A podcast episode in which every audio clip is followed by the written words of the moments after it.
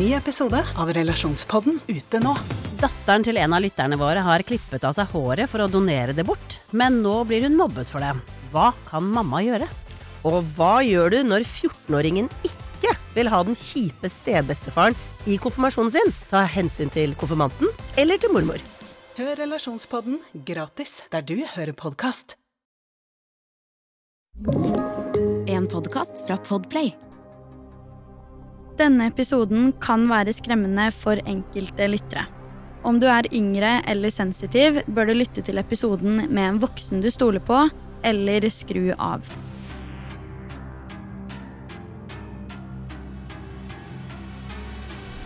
Hei og velkommen til en helt ny Forsyningsfredag podcast-episode. Denne ukens episode handler om en sak jeg lenge har vært fascinert av. Nettopp fordi den virkelig ikke gir noe særlig mening og har så mange elementer som gjør at man nesten blir gal i hodet av å sette seg inn i saken. I likhet med så mange andre uløste saker, for denne saken er uløst, så blir også denne bare større og større jo mer man leser om den. Men det er nettopp derfor det blir spennende å ta opp den saken her i denne ukens Forsvinningsfredag-episode. Som du har sett i navnet på episoden, så skal jeg snakke om Jameson-familien i denne episoden. Og dette er da en uløst forsvinnings- og muligens drapssak fra Oklahoma i USA. Fra utsida så virker det kanskje som at dette er en helt plettfri familie med drømmelivet. Men er det egentlig den fulle sannheten? Denne episoden her vil du ikke gå glipp av, så la meg fortelle deg historien om Jameson-familien. Før jeg forteller deg om selve hendelsen, så er det viktig at du får litt bakhistorie. Jamison-familien besto av Bobby, Sherilyn og Madison. Bobby og Sherilyn er da foreldrene og ble henholdsvis 44 og 40 år. Madison er da datteren deres, som ikke rakk å bli mer enn seks år gammel. Hun er da født 1. august 2003. Denne lille familien bodde i Ufola i Oklahoma og levde det som tilsynelatende var et helt normalt, vanlig liv. Akkurat sånn du ser for deg at en familie på tre skulle leve livet sitt på denne tiden. De hadde et kjempefint, stort hus rett ved vannet i Ufola, og ser man det fra utsida, så er det for så vidt ingenting som skal tilsi at det skal skje noe som helst med noen av dem. Vel, det skulle etter hvert endre seg. Tidligere hadde far i huset, altså da Bobby, havna i en ganske omfattende bilulykke, hvor bilen hans hadde blitt truffet av to andre biler mens han selv kjørte, så det gjorde at han fikk en del skader og vondter i kroppen, da spesielt i ryggen. De smertene han fikk, de gikk han da på medisiner for, men han fikk også beskjed om at dette var kroniske smerter, så han kom kun til å bruke medikamentene for å holde kroppen litt i sjakk, så han måtte gå på disse resten av livet sitt. Sherilyn har også sin dose problemer. Hun slet veldig mye med depresjoner, i tillegg til at hun hadde blitt diagnostisert med bipolar lidelse. Hun gikk også på medisiner for det her, men sånn jeg forstår det, så var det litt frem og tilbake på når hun gikk på de og ikke. En dag hun f.eks. følte seg bra, så kunne hun droppe å ta medisinen sin og slutte helt, fordi hun da tenkte at hun var frisk, selv om hun ikke var det. I legejournalen hennes så står det også veldig mye som kan indikere at hun ikke nødvendigvis var i det beste ekteskapet, og ifølge journalen hennes skal ekteskapet ha vært ganske rotete og lite stabilt. Det virker faktisk også som at familien hadde et ganske dårlig forhold til byen de bodde i, rett og slett fordi at de mot slutten faktisk var på utkikk etter nytt hus, og flere rundt familien kunne også fortelle at de ønska å bo litt mer øde enn hva de gjorde på tidspunktet. Faktisk så hadde de vært og sett på en eiendom som lå i Red Oak i Oklahoma, som da var rundt fem mil fra hjemmet deres i Eufaula. På tidspunktet var Red Oak et veldig lite tettsted med rundt 500 innbyggere. Det er rimelig å anta at det har vokst litt siden sist, men det er i hvert fall det det lå på i 2009. Og det at dette her var et så lite tettsted, og det var ikke så veldig mange som bodde der, og sånne ting, det var perfekt for dem. Det var akkurat det de ønska seg. Det at denne tomta og eiendommen var såpass perfekt for dem, gjør at de nå vurderer å kjøpe eiendommen. Så i oktober 2009 så vender familien Jameson snuta si mot Red Oak. 8. oktober 2009 er da datoen da Jameson-familien setter seg i bilen og kjører til Red Oak. Det er litt forvirring rundt akkurat dette med reisen til Red Oak, fordi at noen kilder mener litt ulike ting. De fleste kilder peker på at Jamison-familien hadde sett dette huset her fra før av, og nå reiste dit for å faktisk flytte, mens andre mener at de denne dagen skulle på visning av huset for første gang. Uavhengig av det så var visstnok veien til Red Oak litt vanskelig for dem å forstå, så de rota seg bort en hel del på veien dit. På et tidspunkt hadde de også da stoppa en fremmed person for å be om veibeskrivelser til Red Oak, men det virker jo ikke som at de noen gang egentlig kom seg dit heller. Og det at de surra så fælt med veien og ikke visste hvor de skulle, og sånne ting, kan jo indikere at de skulle på visning denne dagen på dette huset, og at de ikke hadde vært der før, for da hadde de jo kjent igjen veier og sånne ting som det. Så dette høres jo da ut som en veldig lykkelig start, nå skal de begynne et nytt liv, men det at de roter seg bort på veien, er kanskje et lite frempek.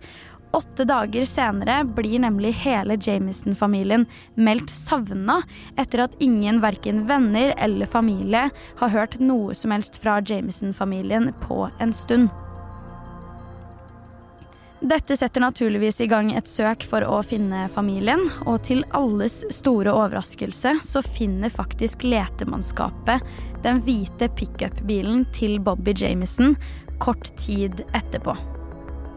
Denne bilen blir funnet i det som heter Latimer County i Oklahoma, og familiehunden deres var fremdeles inne i bilen, mens bilen var låst.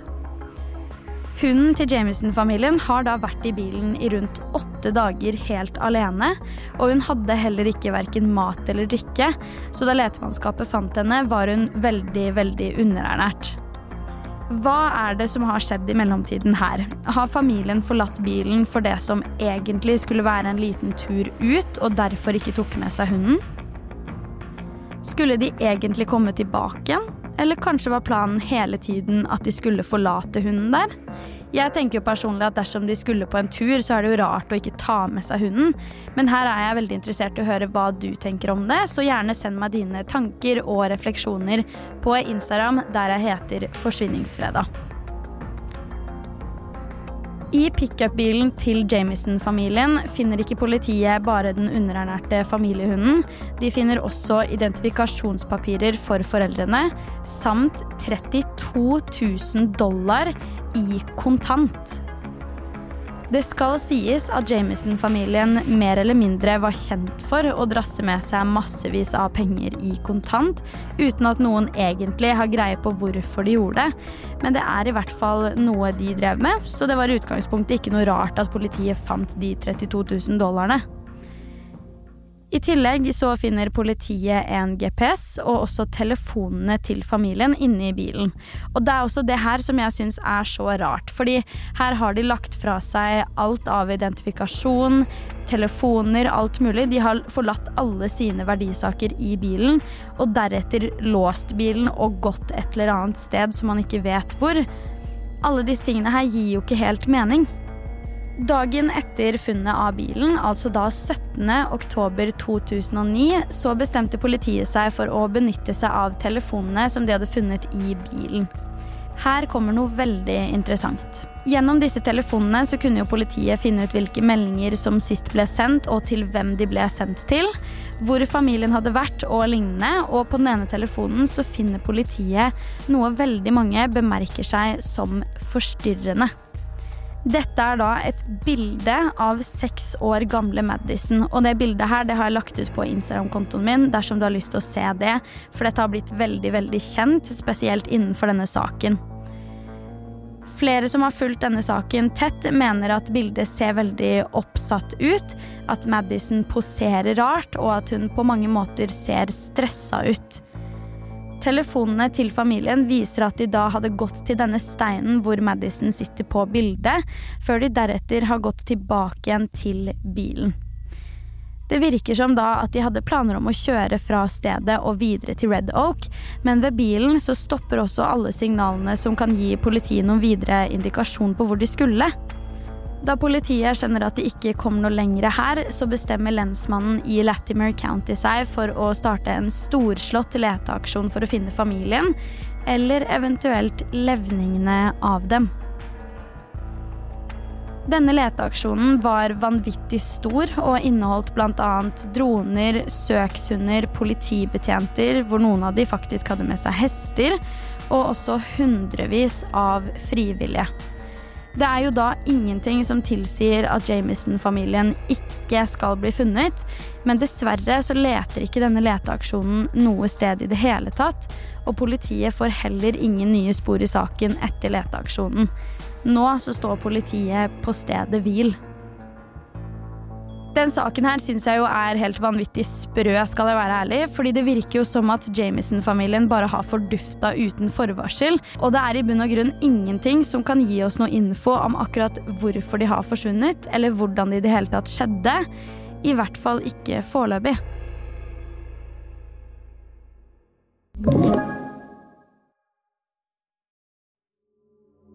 I løpet av de neste åtte månedene skal denne saken slå seg opp som en av de mest omfattende forsvinningssakene og også leteaksjon i hele Oklahomas kriminalhistorie.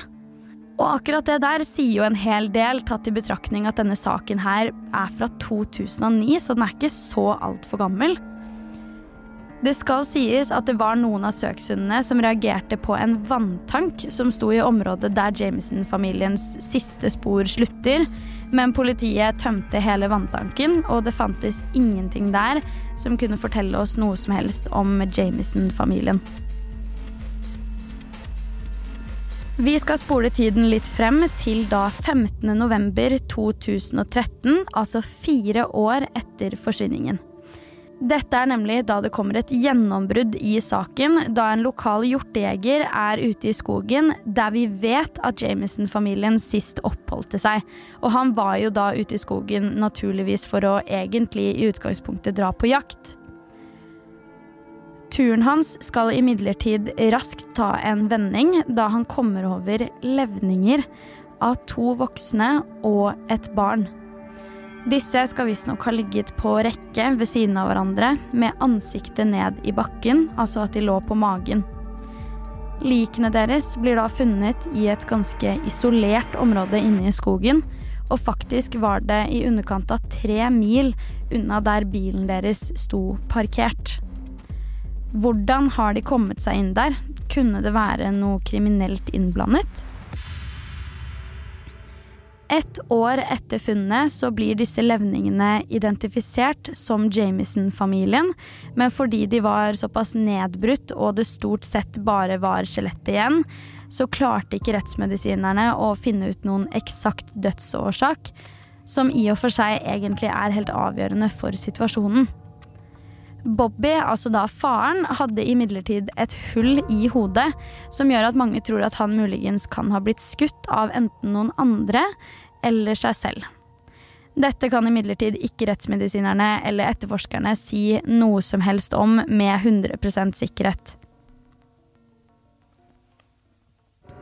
Fordi denne saken fremdeles er uløst, og vi til dags dato ikke aner hvem som eventuelt står bak disse dødsfallene, så er det jo naturligvis flere teorier i saken, som for så vidt er det eneste man har å gå etter. Det er helt ufattelig mange teorier i den saken her, og flere av dem er veldig interessante, men jeg kan ikke snakke om hver eneste en av dem i denne episoden. Noen er interessante, og noen er veldig urealistiske. Men uansett, la meg fortelle deg om noen av disse teoriene. Kanskje ligger svaret i en av dem. Den første teorien som oppsto lenge før familien ble funnet, var at de forfalsket sin egen død. Åpenbart så viste jo den her seg å ikke stemme, men dette var nok en teori som hovedsakelig oppsto som et resultat av at det ikke var så mange sikre spor før man fant levningene. Neste teori er en teori veldig mange tror at det ligger noe i, og det er at familien kan ha blitt drept. Denne teorien knyttes egentlig litt sammen med en annen, som har med faren å gjøre. Like før familien forsvant, så hadde nemlig Bobby vært i et ganske heftig søksmål med sin egen far, som da heter Bob. Sammen eide de to en bensinstasjon, og pga. en businessavtale som ikke gikk i favør av Bob, så begynte han å true både Bobby og hans familie, samt sin egen kone.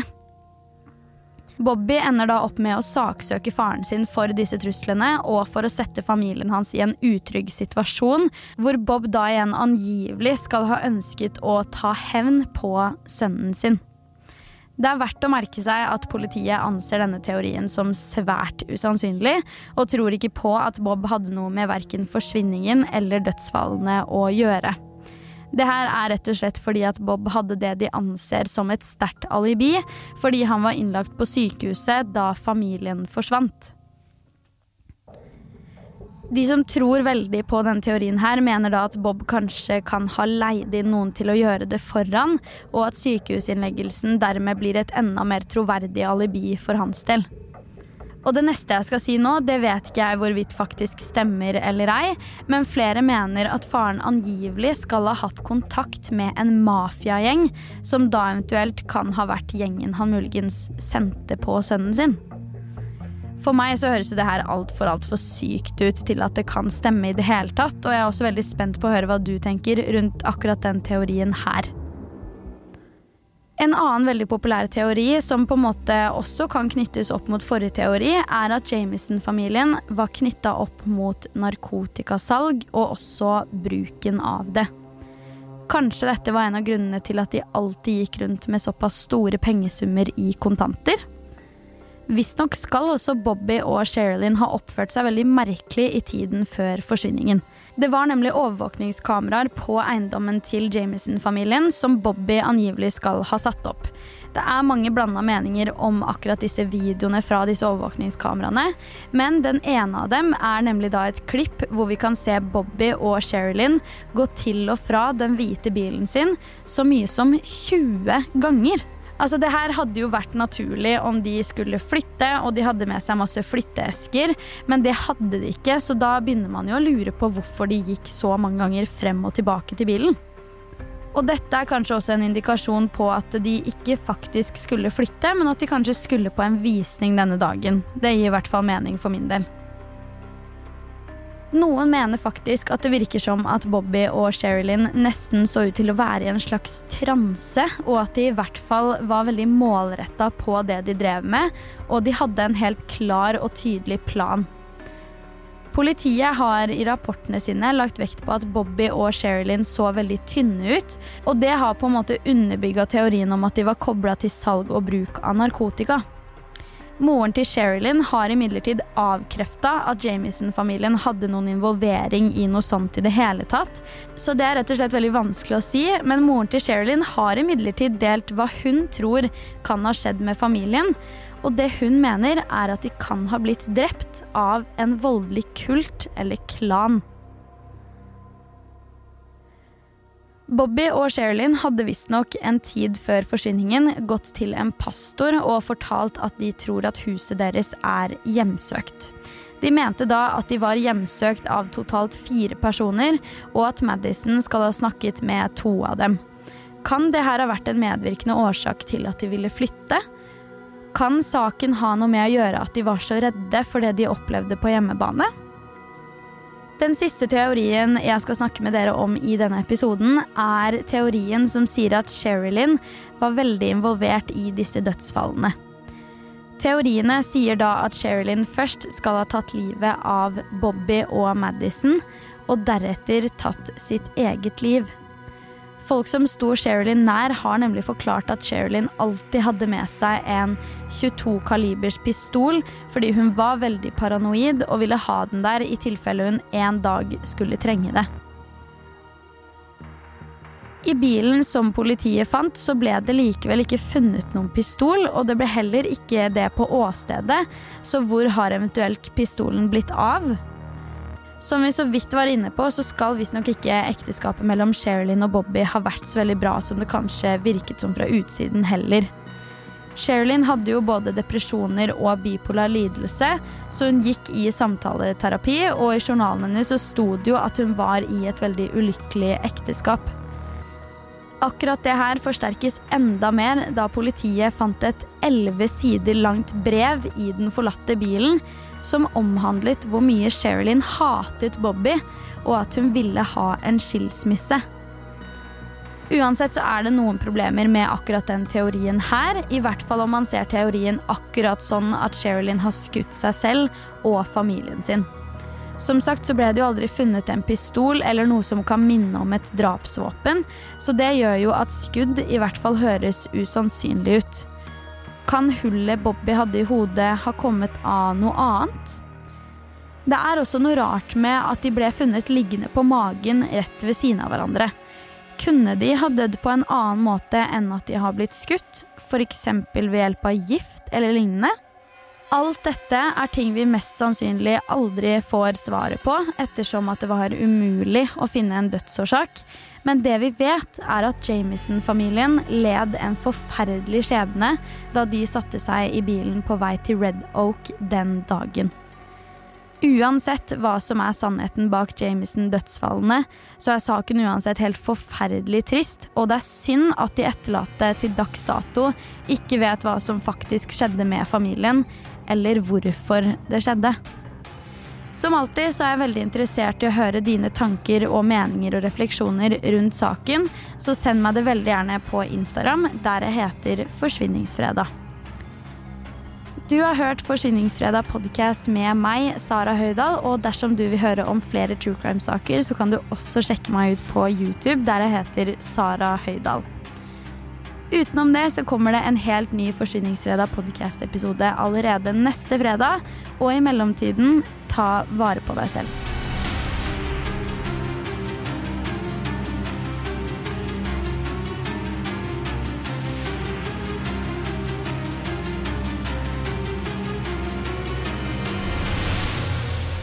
Du har hørt en podkast fra Podplay. En enklere måte å høre podkast på. Last ned appen Podplay, eller se podplay.no.